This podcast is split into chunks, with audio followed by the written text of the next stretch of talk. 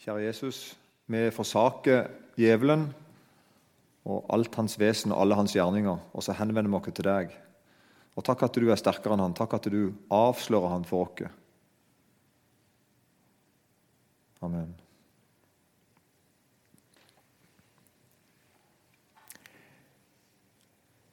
Vi prøver å forstå hvorfor, hvorfor det onde fins. Vi prøver å forstå hvorfor det onde fins.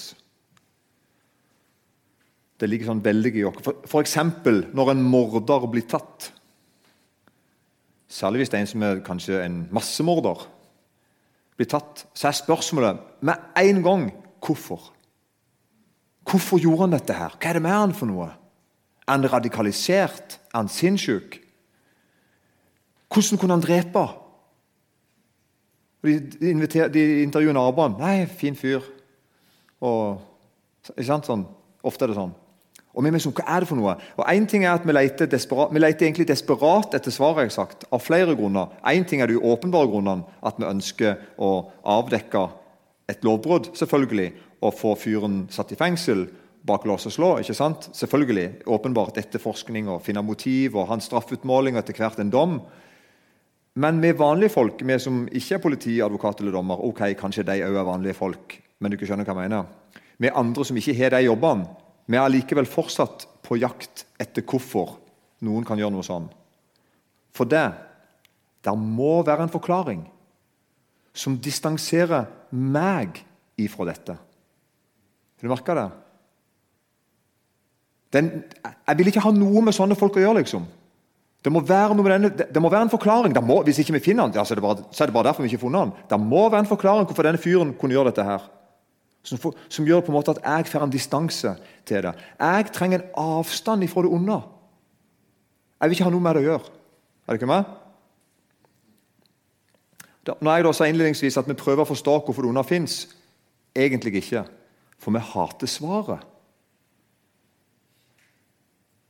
Og svaret er ubehagelig, nemlig det onde kommer innenifra, fra oss.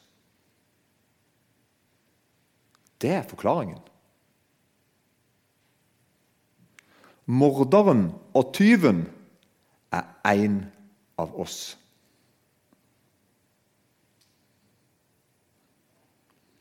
Dette ser vi veldig tydelig. En gang fikk Jesus besøk av fintfolk. De kommer fra Jerusalem, liksom hovedstaden. og Det var på en måte sjefsteologene, sjefsskriftlærde, som kom da opp til nord og traff Jesus. Og de hadde, en, de hadde, reagert veldig på en ting. Uh, og nemlig det, de, Nå er jeg i Matteus 15, vers 1. Da kom fariseerne og, og skriftlærde fra Jerusalem til Jesus og sa Hvorfor bryter disiplene dine de gamles foreskrifter? De vasker jo ikke hendene når de holder måltid. Det var liksom beskyldningen disse skriftlærde hadde mot Jesus sine disipler. Og så er jeg bare litt fotnoter her, at uh, Nå snakker vi altså ikke om hygiene, at de ikke vasket hendene før de åt. Men vi snakker her om en seremoniell renhet. Og Her har jeg tatt med en ting fra Markus 7,3. Der ser vi at Fariseerne alle jødene spiser nemlig ikke før de har vasket hendene med en håndfull vann. Slik holder de fast ved de gamles foreskrifter.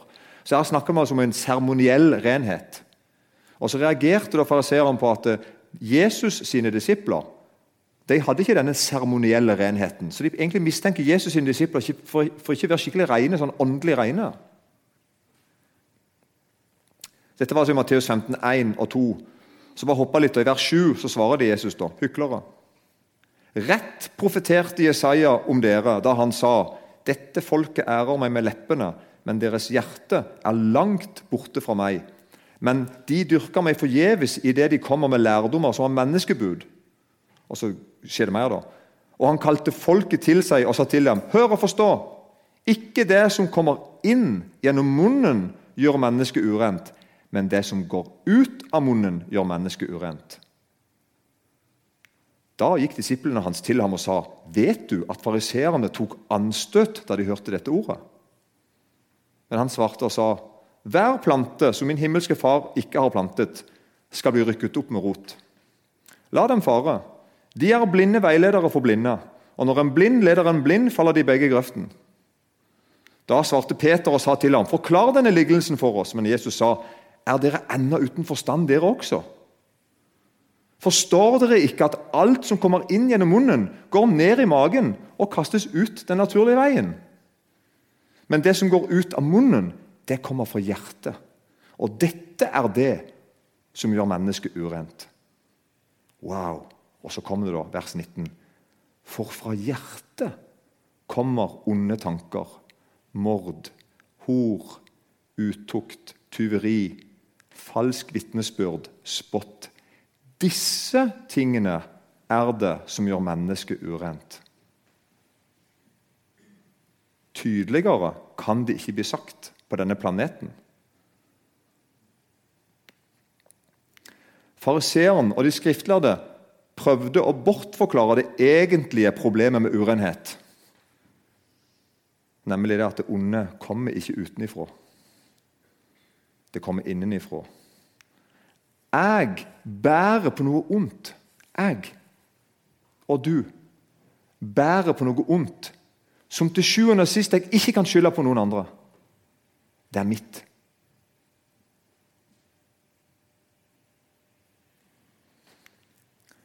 Jeg har en what? spørsmålstegn her.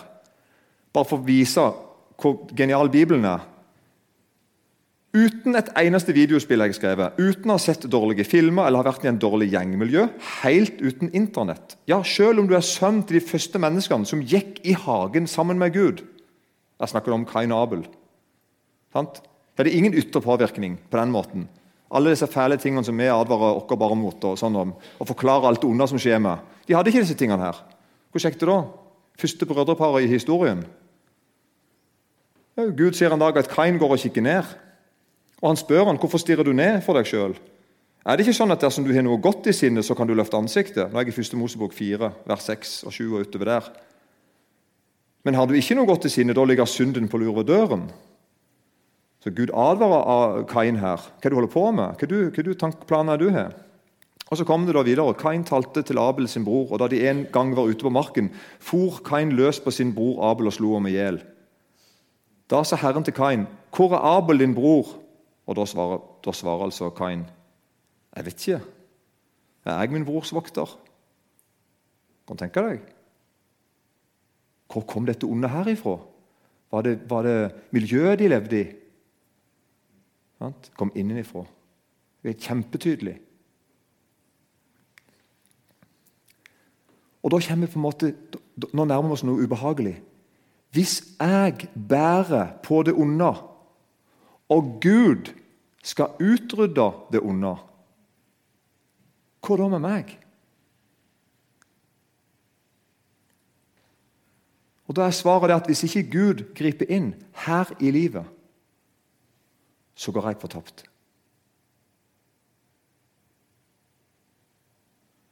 Og fortapt i min språkverden Dette er bare min bitte lille språkverden. Men altså der tenker jeg at ordet 'helvete' det beskriver på en måte mer stedet. ikke sant? Vi snakker om stedet helvete. Det blir skrevet som litt hvor det er her, og hvordan det ser ut der. og litt sånn. Men og Bibelen har mange beskrivelser på det, flere steder, både i Det gamle og Det nye testamentet. Men det å gå fortapt forklarer kanskje litt mer om hva som skjer. Du går fortapt. Du mister livet.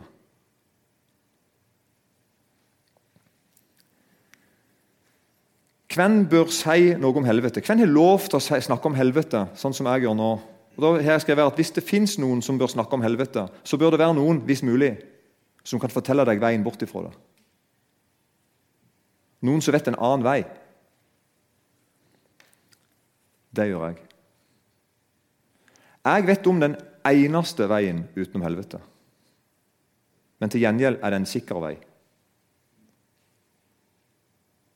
Han som gikk frivillig inn under helvetes krefter for å kjøpe meg og deg ut derifra.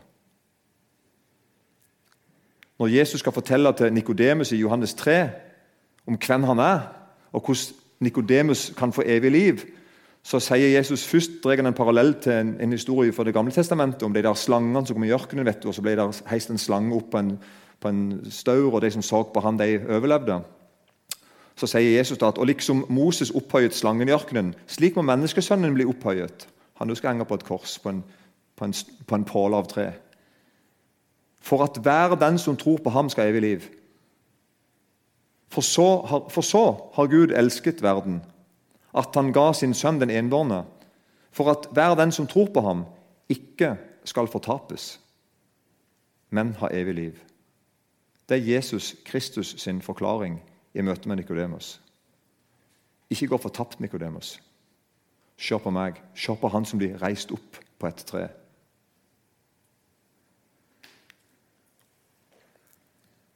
Hvis du virkelig ser på når Jesus anerkjenner det vi snakker om nå For Det er nemlig, det er nemlig sånn at Jesus Kristus visste at helvete er en realitet.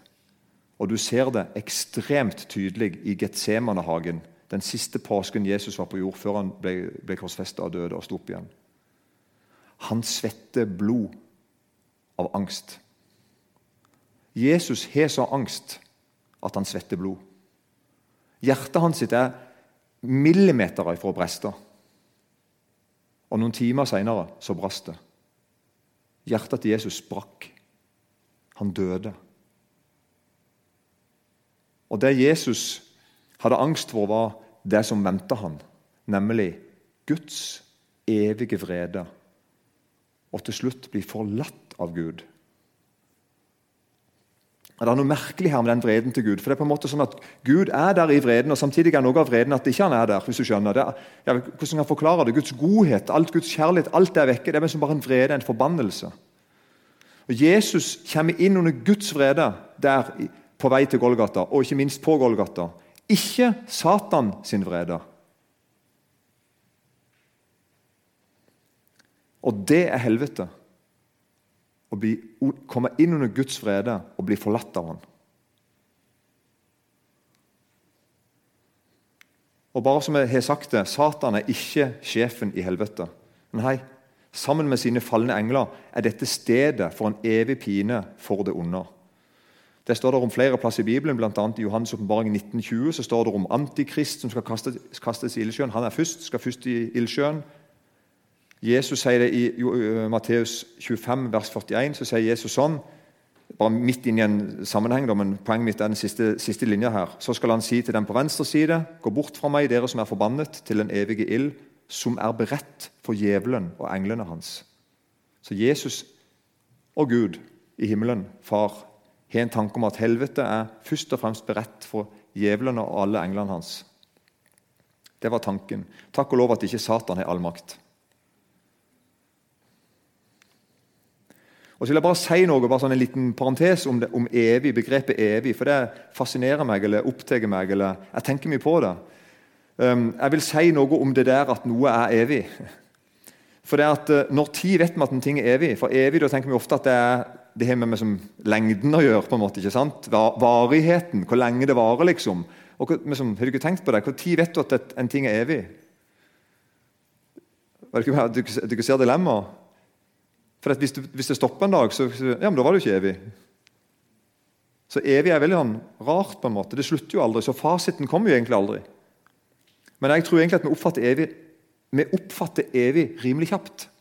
Sånn er det med Jesus. Når Jesus kom inn under Guds dom på korset, når Jesus henger på, på Golgata, og Guds vrede rammer ham, Guds evige vrede, Guds dom rammer ham, sin fars vrede over alt det onde som jeg har gjort, over alt det onde som du har gjort da kan vi si at ja, hvor lenge varte det? Det varte faktisk ikke mange timer. Jesus døde overraskende fort i forhold til de to som hang på sida av ham.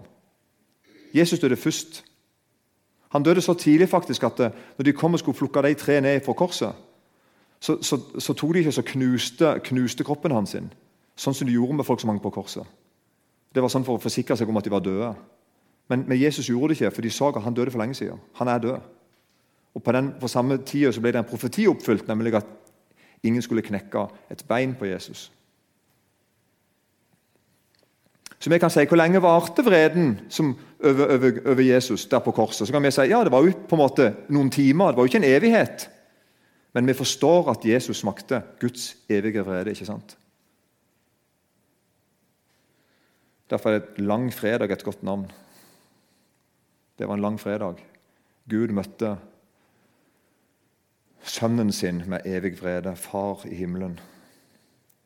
Og Sånn er det òg med det evige livet. Vi får det nå, her i livet. Det evige livet til du som gjør Jesus det, begynner ikke seinere engang. Det har begynt. Du har evig liv. Og vi aner at dette kommer til å holde på en stund. Vi kjenner oppstandelseskraften. Har du kjent på det? Du som gjør Jesus det. Jesus gikk inn under vår evige straff, og vi kan fordele i et evig liv. Og Dette er veien ut av helvete, både nå og seinere. Omvend deg og la deg frelse. Og frelsa, den starter her. Frelsa starter her i livet. Du kan nå legge av deg skyld, synd, skam, fortida di. Du kan få en ny start, en begynnelse. Du kan få et nytt liv, et nytt evig liv. Peter står på første pinsedag og har fått Den hellige ånd og er full av frimodighet og kraft og sier i Apostlenes gjerninger 2,40.: La dere frelse fra denne vrange slekt. Godt sagt. Og spørsmålet rett før er hva skal vi gjøre? Jo, la dere bli frelst ifra den vrange slekt. Så frelse er noe som skjer nå, og du frelses ut ifra noe. Slutt å leve, slutt å leve i det onde. Slutt å leve i mørket. La dere frelse for denne vrange slekt. Og De som tok imot Hans ord, ble døpt, og den dagen ble det lagt til omkring 3000 sjeler, faktisk. Det er ingen gladmelding å si at helvete ikke fins. Det er ingen gladmelding å si at helvete ikke fins. Gladmeldingen er at du trenger ikke komme der.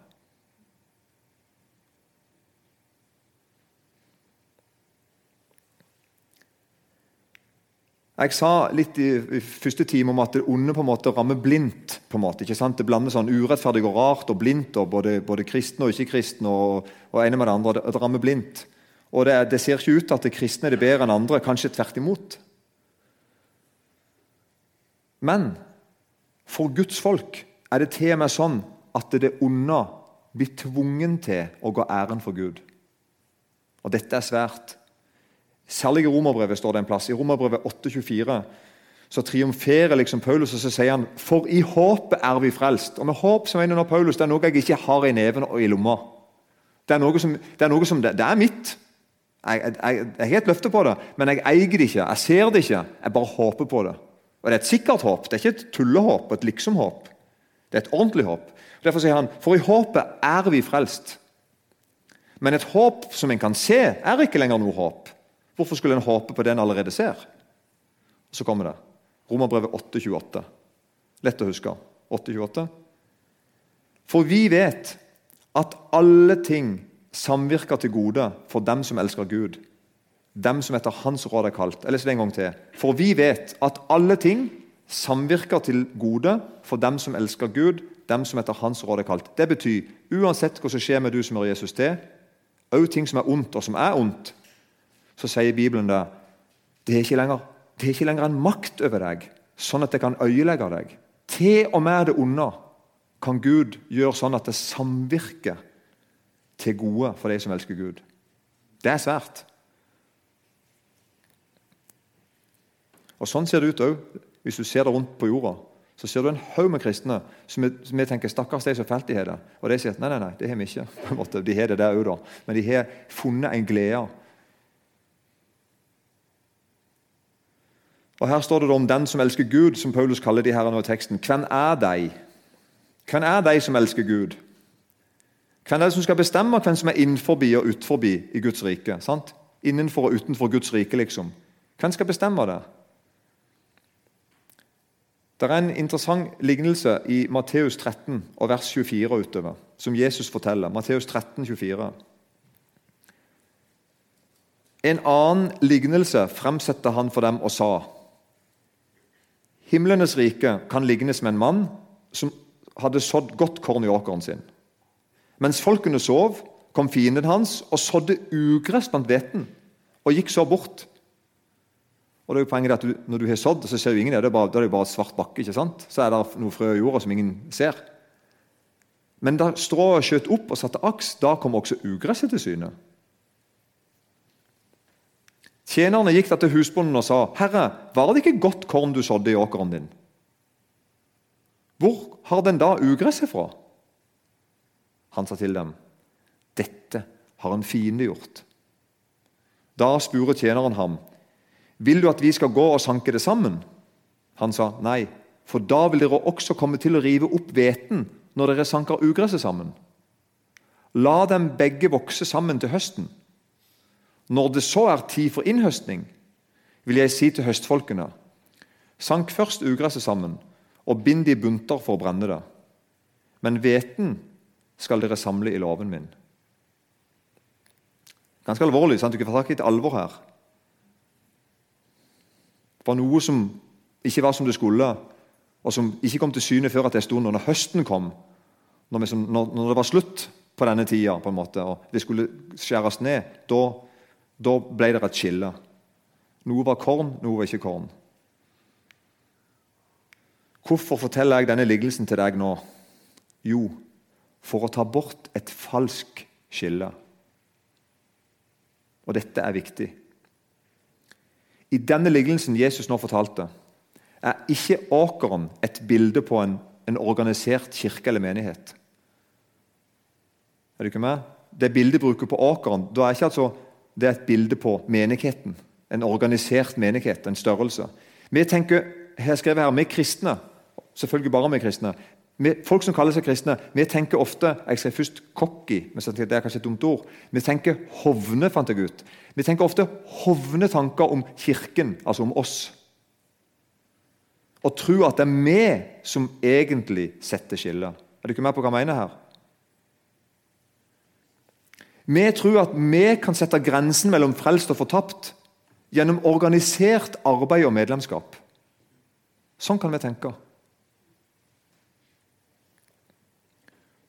Nå, jeg har ikke sagt at det er galt at vi har lokale menigheter og kirkesamfunn osv. Heller ikke noe galt at vi har forskjellige kirkesamfunn. i utgangspunktet. Så det, det, er ikke en sånn en kritikk til det.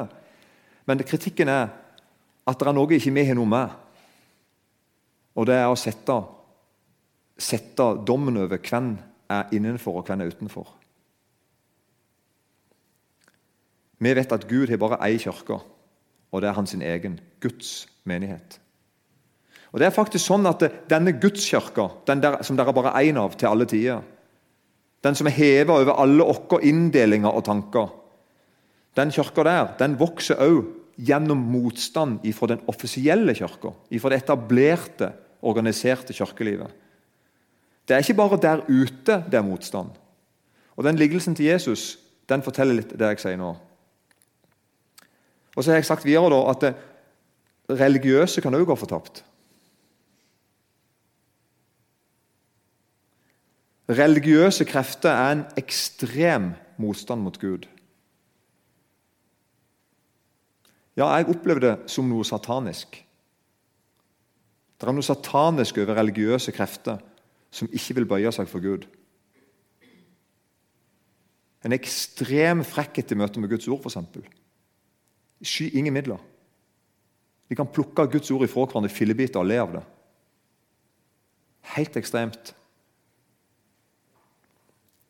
I Norge har jeg skrevet er det mye av dette. Sa jeg mye?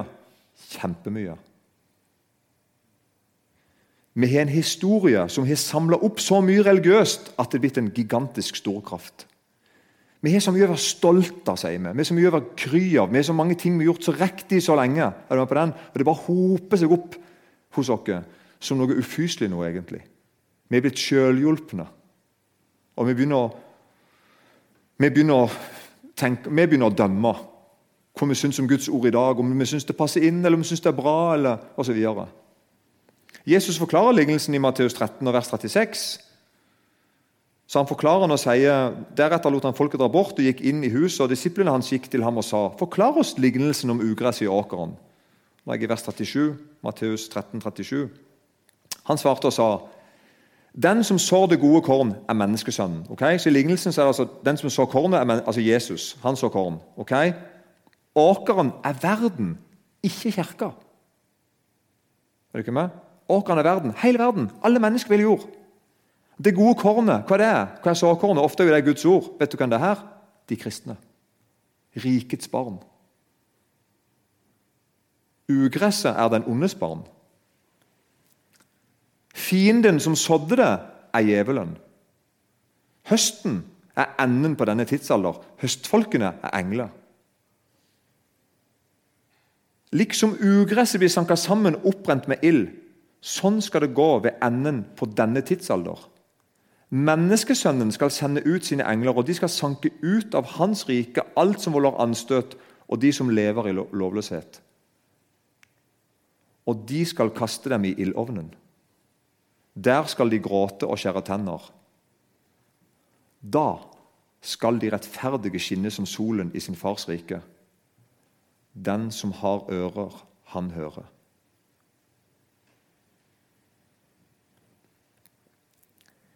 Jesus lærer oss i denne lignelsen at alle er inkludert i hans frelsesplan. Hele verden er hans åker. Jesus snakker ikke om at jeg har én åker, og det er, det er de, som er, de som på en måte syns det er greit å være kristen eller religiøs eller gå i tog eller et eller annet. Nei, Jesus sier der at jeg har, jeg har ett stort, jeg har én stor plass der jeg vil så. Det er alle. Gud elsker ikke bare de som er medlem i en menighet, eller aktiv, eller noe sånt. Guds folk er såkornet. Du som er Jesus det, du er sendt til hele verden, til alle. Jesus lærer oss her at det er han som er oversikten over hvem som hører han til, ikke vi. Derfor skal du ikke frykte andre enn han. La han frelse deg.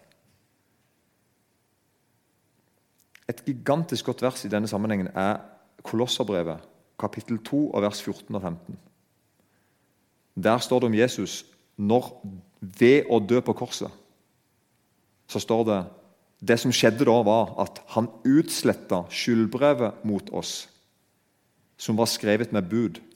Det som gikk oss imot, det tok han bort da han nagla det til korset. Han avvæpnet maktene og myndighetene og stilte dem åpenlyst til skue da han viste seg som seierherre over dem på korset.